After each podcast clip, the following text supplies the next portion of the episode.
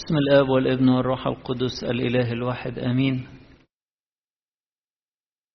شهر أبيب السنة دي فيه بركة إضافية إنه فيه خمس أحاد والكنيسة بتعتبر دايما إن كتر الصلاة بركة وكتر القداسات بركة.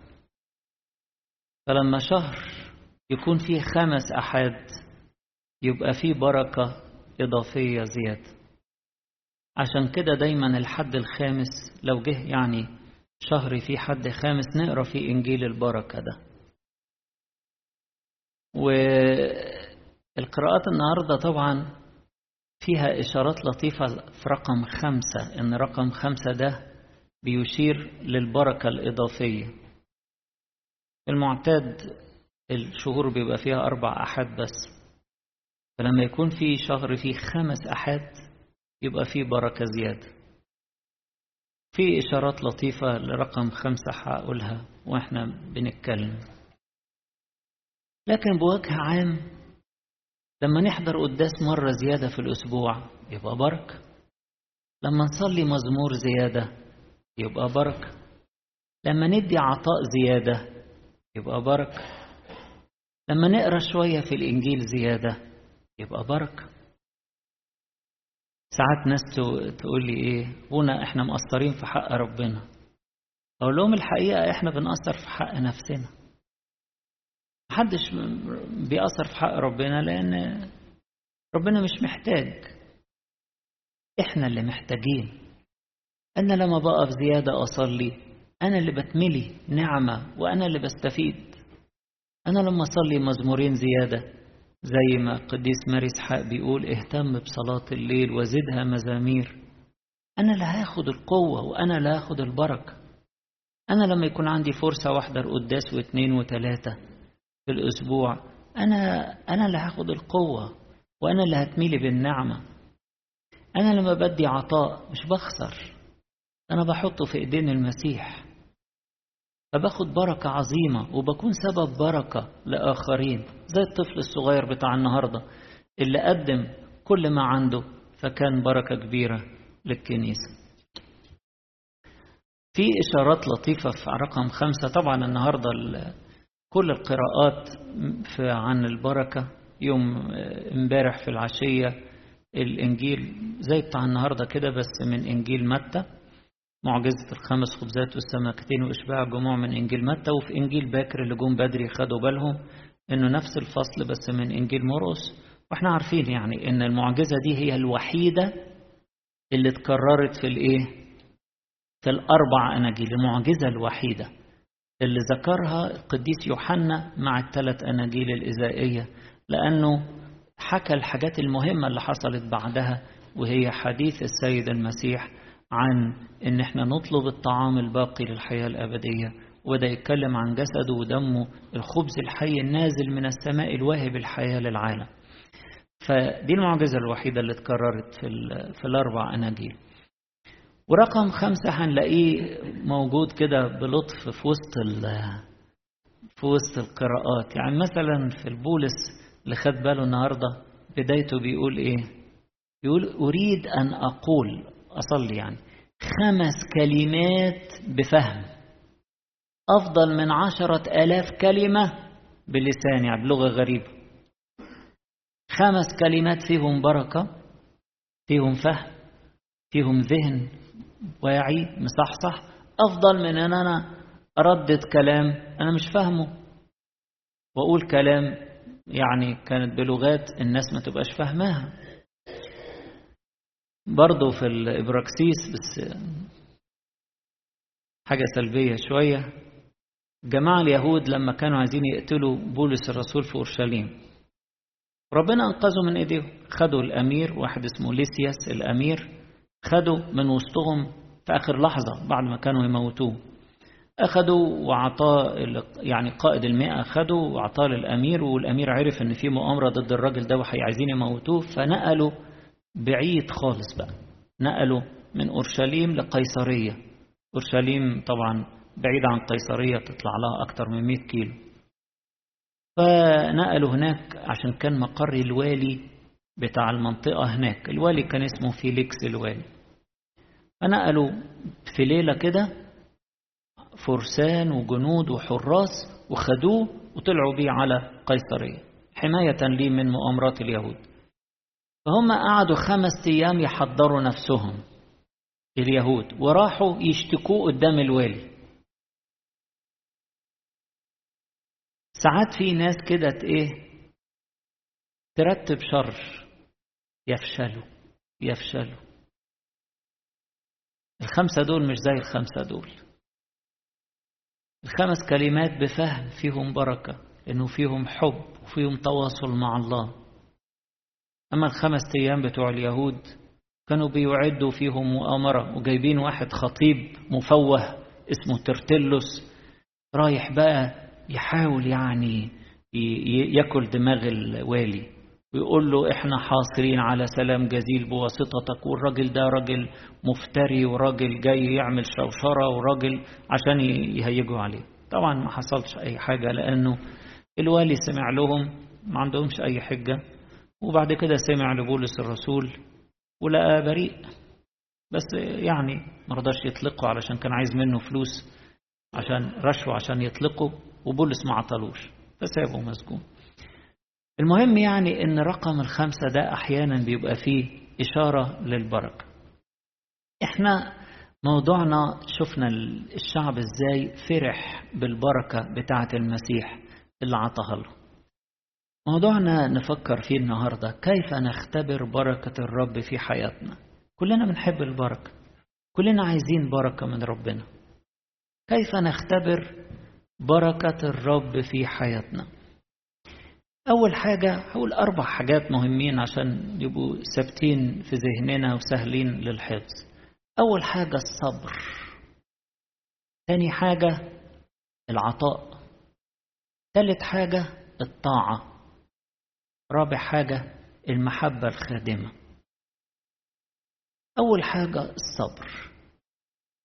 البركة بتيجي في الآخر شوية. اللي بيفضل للآخر هو ده اللي ياخد البركة. اللي مستعجل يقعد شوية ويمشي ما يلحقش البركة. البركة بتتوزع في الآخر. شوفوا إحنا نيجي القداس ونصلي ونرفع قلبنا ورحلة توبة. القداس ده رحلة توبة جميلة. وفي آخره يتوج بالاتحاد بالمسيح. بركة تيجي في الآخر. حد آخر كلمة أبونا بيقولها امضوا بسلام. ياخد السلام الإنسان. البركة بتيجي في الآخر. اللي يصمد مع المسيح للآخر هو ده اللي ياخد البركة. بداية الإنجيل النهاردة بيقول إيه؟ وكان النهار قد بدأ يميل. ده بداية الفصل. والكنيسة قصدة يعني تحط لنا الفصل بالطريقة دي. كان النهار قد بدأ يميل معناها خلاص الدنيا هتضلم. وهم في حتة قفر. وجعانين طول النهار. أكيد في ناس مشيت. سمعوا كلمتين ومشوا. شافوا مرضاهم ومشوا. ما هو كان بيكلمهم عن ملكوت الله والمحتاجون إلى الشفاء شفاهم. وخلصوا ومشوا. دول اتحرموا من البركة. هم حرموا نفسهم بنفسهم لأن هم مشيوا مع المسيح شوية وسابوه. اللي يكمل مع المسيح للآخر هو ده اللي ياخد البركة. اللي يصمد ويصبر على الطريق الضيق ومتعبه والجوع اللي فيه وال وال الضعف اللي فيه. اللي يصبر كده في تنفيذ وصايا المسيح هو ده اللي ياخد البركة. اللي يلاقي المسيح قدامه ما يسيبوش. يمسك فيه ويقول له لا أطلقك إن لم تباركني. فاكرين يعقوب لما صارع مع ربنا؟ قال له مش هسيبك مش هسيبك. لا أطلقك إن لم تباركني. وجه على وش الفجر؟ باركه. باركه وعطاله اسم جديد وباركه شخص باحث عن البركة. وما يصدق يلاقي ربنا يقول له مش هسيبك أنا جاي الكنيسة هنا ومش هسيبك غير لما تباركني. أنا عايز بركتك دي بالدنيا عندي دي بالدنيا الدنيا مش هتقدر تديني بركة أنت اللي هتديني أنت اللي هتديني البركة. فالبركة محتاجة صبر صبر وثبات للنهاية تبعية للمسيح للنهاية. انتظارا انتظرت الرب. فمال إلي وسمع صراخي زي ما المزمور بيقول. انتظارا انتظرت الرب. فمال إلي وسمع صراخي. واحد كده يفضل منتظر ربنا. انتظار إيجابي. مش منتظر وهو نايم منتظر وهو بيكافح وبيطلب وبيصلي وبيلاجج مع ربنا. ياخد الإيه؟ ياخد البركة. دي أول حاجة. نصبر لربنا ونتبعه حتى النهاية. فناخد الإيه؟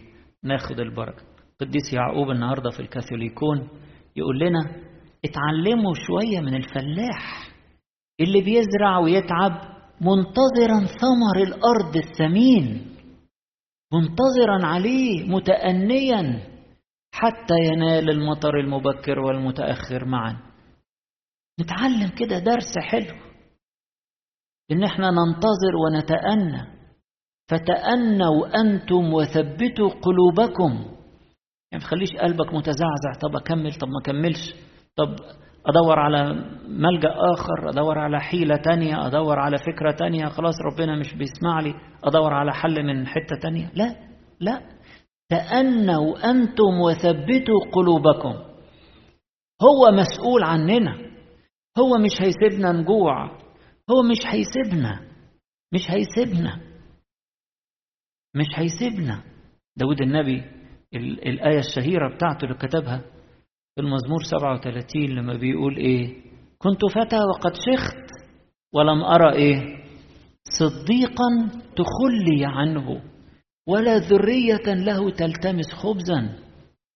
ما شفتش واحد مشي ورا ربنا وربنا تخلى عنه. شفتش واحد صبر لربنا؟ صبرت نفسي لناموسك زي ما بنصلي في صلاة النوم. صبرت نفسي لناموسك. ما فيش واحد صبر وما خدش من ربنا. لم أرى صديقا تخلي عنه ولا ذرية له تلتمس خبزا. أبدا. فليصبر لربنا ده هو ده اللي ياخد. تأنوا أنتم وثبتوا قلوبكم. الكاثوليكون بتاع النار. تاني حاجة العطاء. كيف نختبر بركة الرب في حياتنا؟ الصبر ليه والعطاء. ناخد فيه بركة. إزاي يعني؟ ساعات الناس تفتكر العطاء.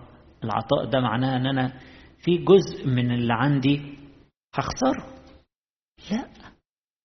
بالعكس العطاء اللي فيه حب لربنا ده عامل زي النور بالظبط. عامل زي النور لما ندي منه يزيد. النور تدي منه يزيد الفرح تدي منه يزيد السلام تدي منه يزيد. اللي معانا نقدمه لربنا يزيد. ما ينقصش. شوف الولد الصغير اللي قدم بإيمان حاجة عجيبة جدا. طب مش هتخلي لنفسك حاجة؟ لا. هو المسيح هيسيبني. وهو الراعي الصالح. هو المهتم بيا ما أنا هاكل مع كل الناس. يا شوفوا الإيمان. عطى كل حاجة لربنا. كل اللي كان معاه. وجبة ولا وجبتين؟ يا ما زيدش عن كده. حاجة بسيطة تافهة. لا دي في إيد ربنا. تبقى خير. خير ملوش حدود. أنا أحط الحاجة اللي معايا في إيدين ربنا. إمكانياتي البسيطة. حياتي كلها أحطها بين إيدين ربنا. شوف ربنا يشتغل بيها إزاي. أنا حياتي دي ما تجيش شوية كسر. ما تجيش خمس خبزات وسمكتين. ما توكلش حاجة. ولا تشبع يوم حتى. لكن تتحط في إيد ربنا تكون بركة لكثيرين. كل واحد فينا كده يحط حياته بين إيدين ربنا. يقول له يا رب أنا بتاعك. ما عنديش مانع تكسرني. ما عنديش مانع توزعني. ما عنديش مانع بس أهم حاجة ابقى في إيديك وتباركني يا رب. وتخليني أبقى بركة للآخرين. أنا هدي لك كل اللي عندي. الآية المشهورة بتاعت القديس بولس الرسول اللي هي طبعا هو قالها قبل ما الأناجيل تتكتب لكن كانت موجودة في التقليد. المسيحي المبكر والآباء الرسل كانوا بينقلوا للناس أقوال المسيح شفويا قبل ما الأناجيل تتسجل يعني. الآية مشهورة في أعمال الرسل العشرين مغبوط هو الإيه؟ العطاء أكثر من الإيه؟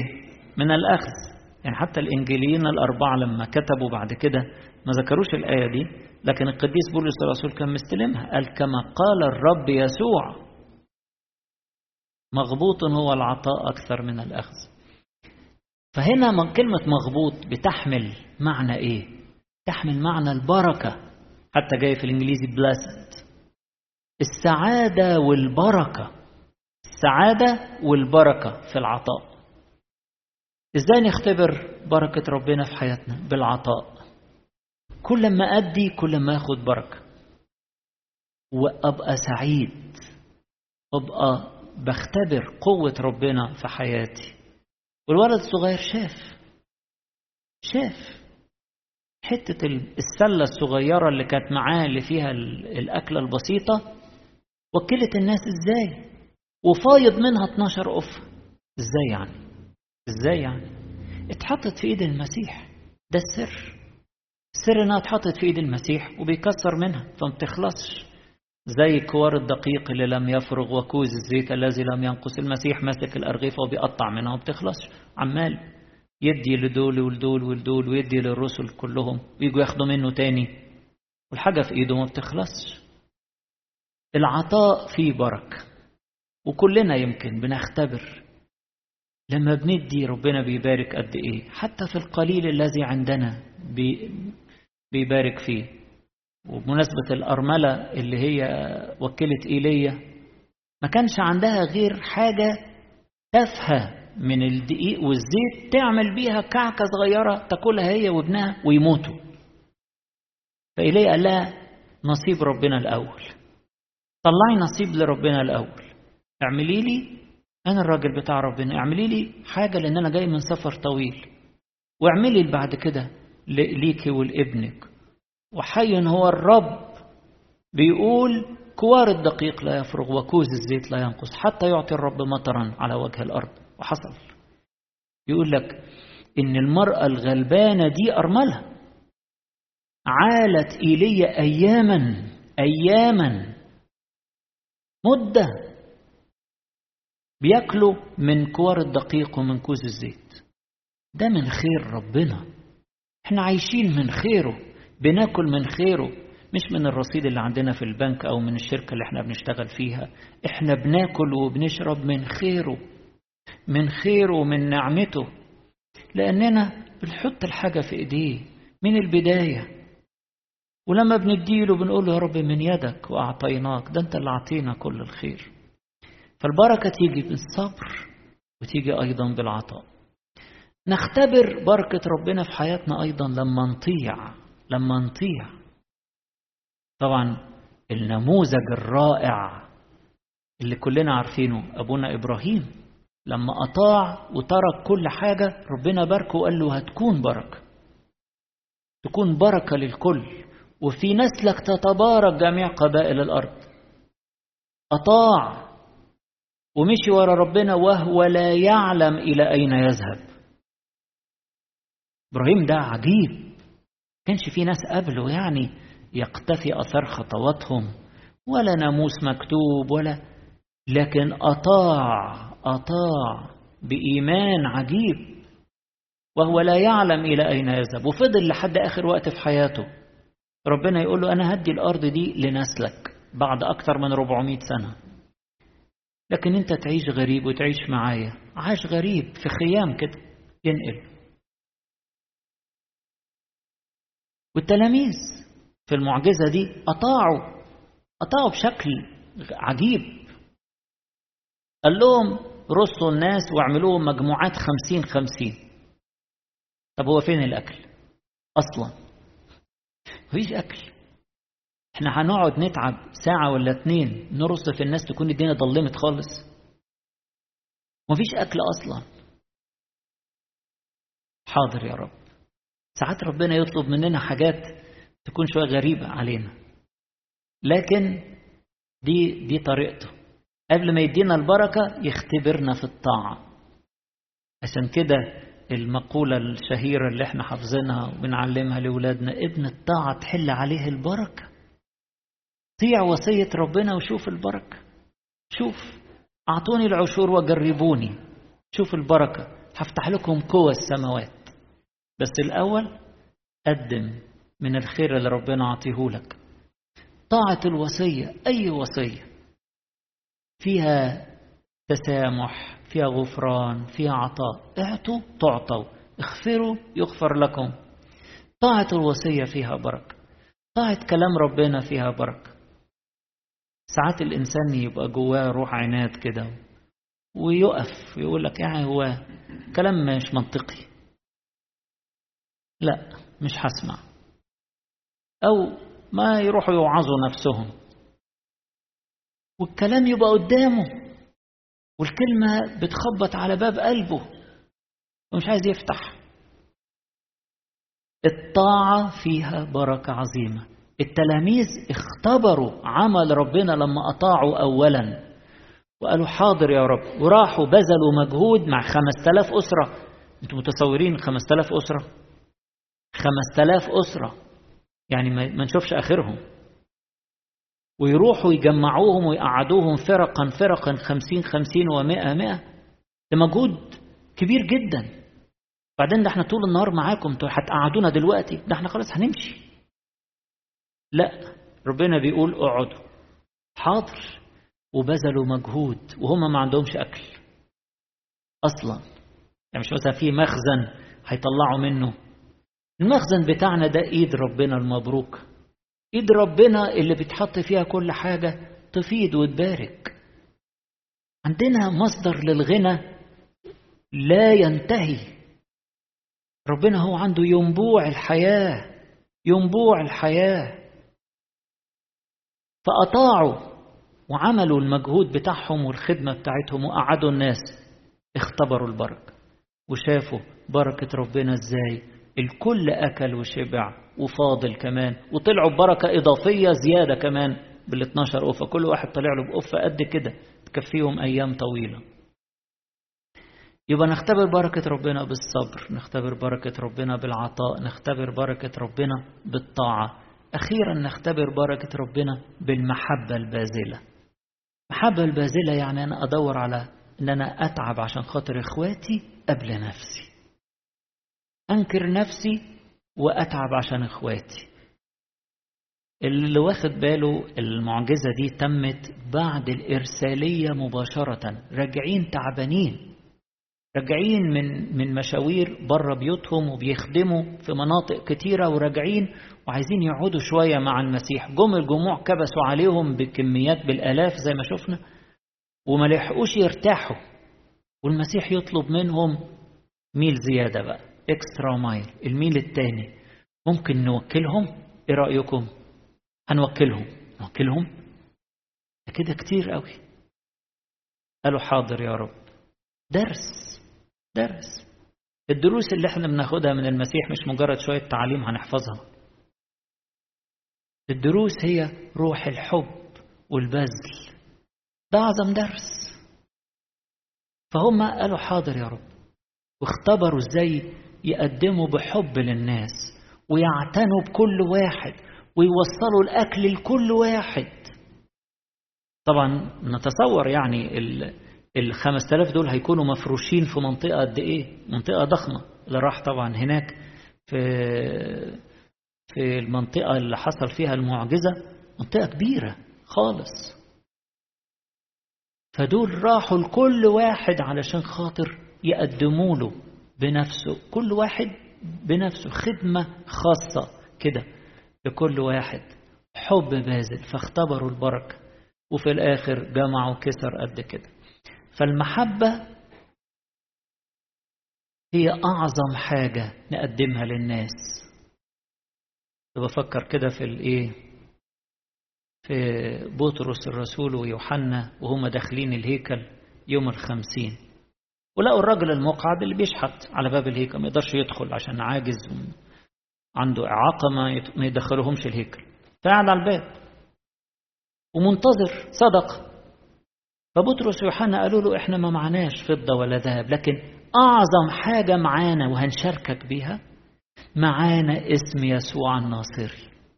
معانا البركة كلها. إحنا أغنياء بالمسيح. بولس الرسول بيقول كده بيقول كفقراء ونحن نغني كثيرين لأن إحنا أغنياء بالمسيح. ساكنة فينا كلمة المسيح بغنى ساكن فينا حب المسيح بغنى. فأعظم شيء ممكن نقدمه للناس هو حب المسيح ومعرفة المسيح. أعظم شيء ممكن نقدمه للناس. فالرسل كانوا بيوزعوا كده. بيوزعوا إيه؟ خبز وسمك. بيوزعوا حب المسيح للناس بيوزعوا معرفة المسيح للناس. دي أعظم بركة ممكن نقدمها. نقدم الحب للناس من غير تمييز بين كبير وصغير بين غني وفقير بين جنسه إيه ولا لونه إيه ولا. إحنا بنقدم الحب للكل ونوزع من حب المسيح ومن خيره للناس. أيضا في المحبة الباذله بنشترك مع ربنا في الشغل. يعني واحد يقول له يا رب أنا اعتبرني إيديك ولا رجليك ولا يعني استخدمني استخدمني أنا بين إيديك استخدمني. فكده. بناخد بركة إن إحنا نبقى coworkers بنشتغل مع ربنا. دي نعمة عظيمة تدينا بركة. عشان كده اللي بيخدم ربنا بي... بيتلامس مع البركة وبيختبر بركة ربنا في حياته. البركة مش هتيجي من الغنى المادي. النهاردة القديس يعقوب بيوبخ الناس اللي محتفظين بغناهم لنفسهم. بيقول غناكم قد تهرأ وثيابكم قد أكلها العث. أنتوا بتكنزوا على الأرض عشان إيه؟ فضتكم وذهبكم قد صدئتا وبتظلموا الناس وما تدهمش حقوقهم عشان تكنزوا لنفسكم.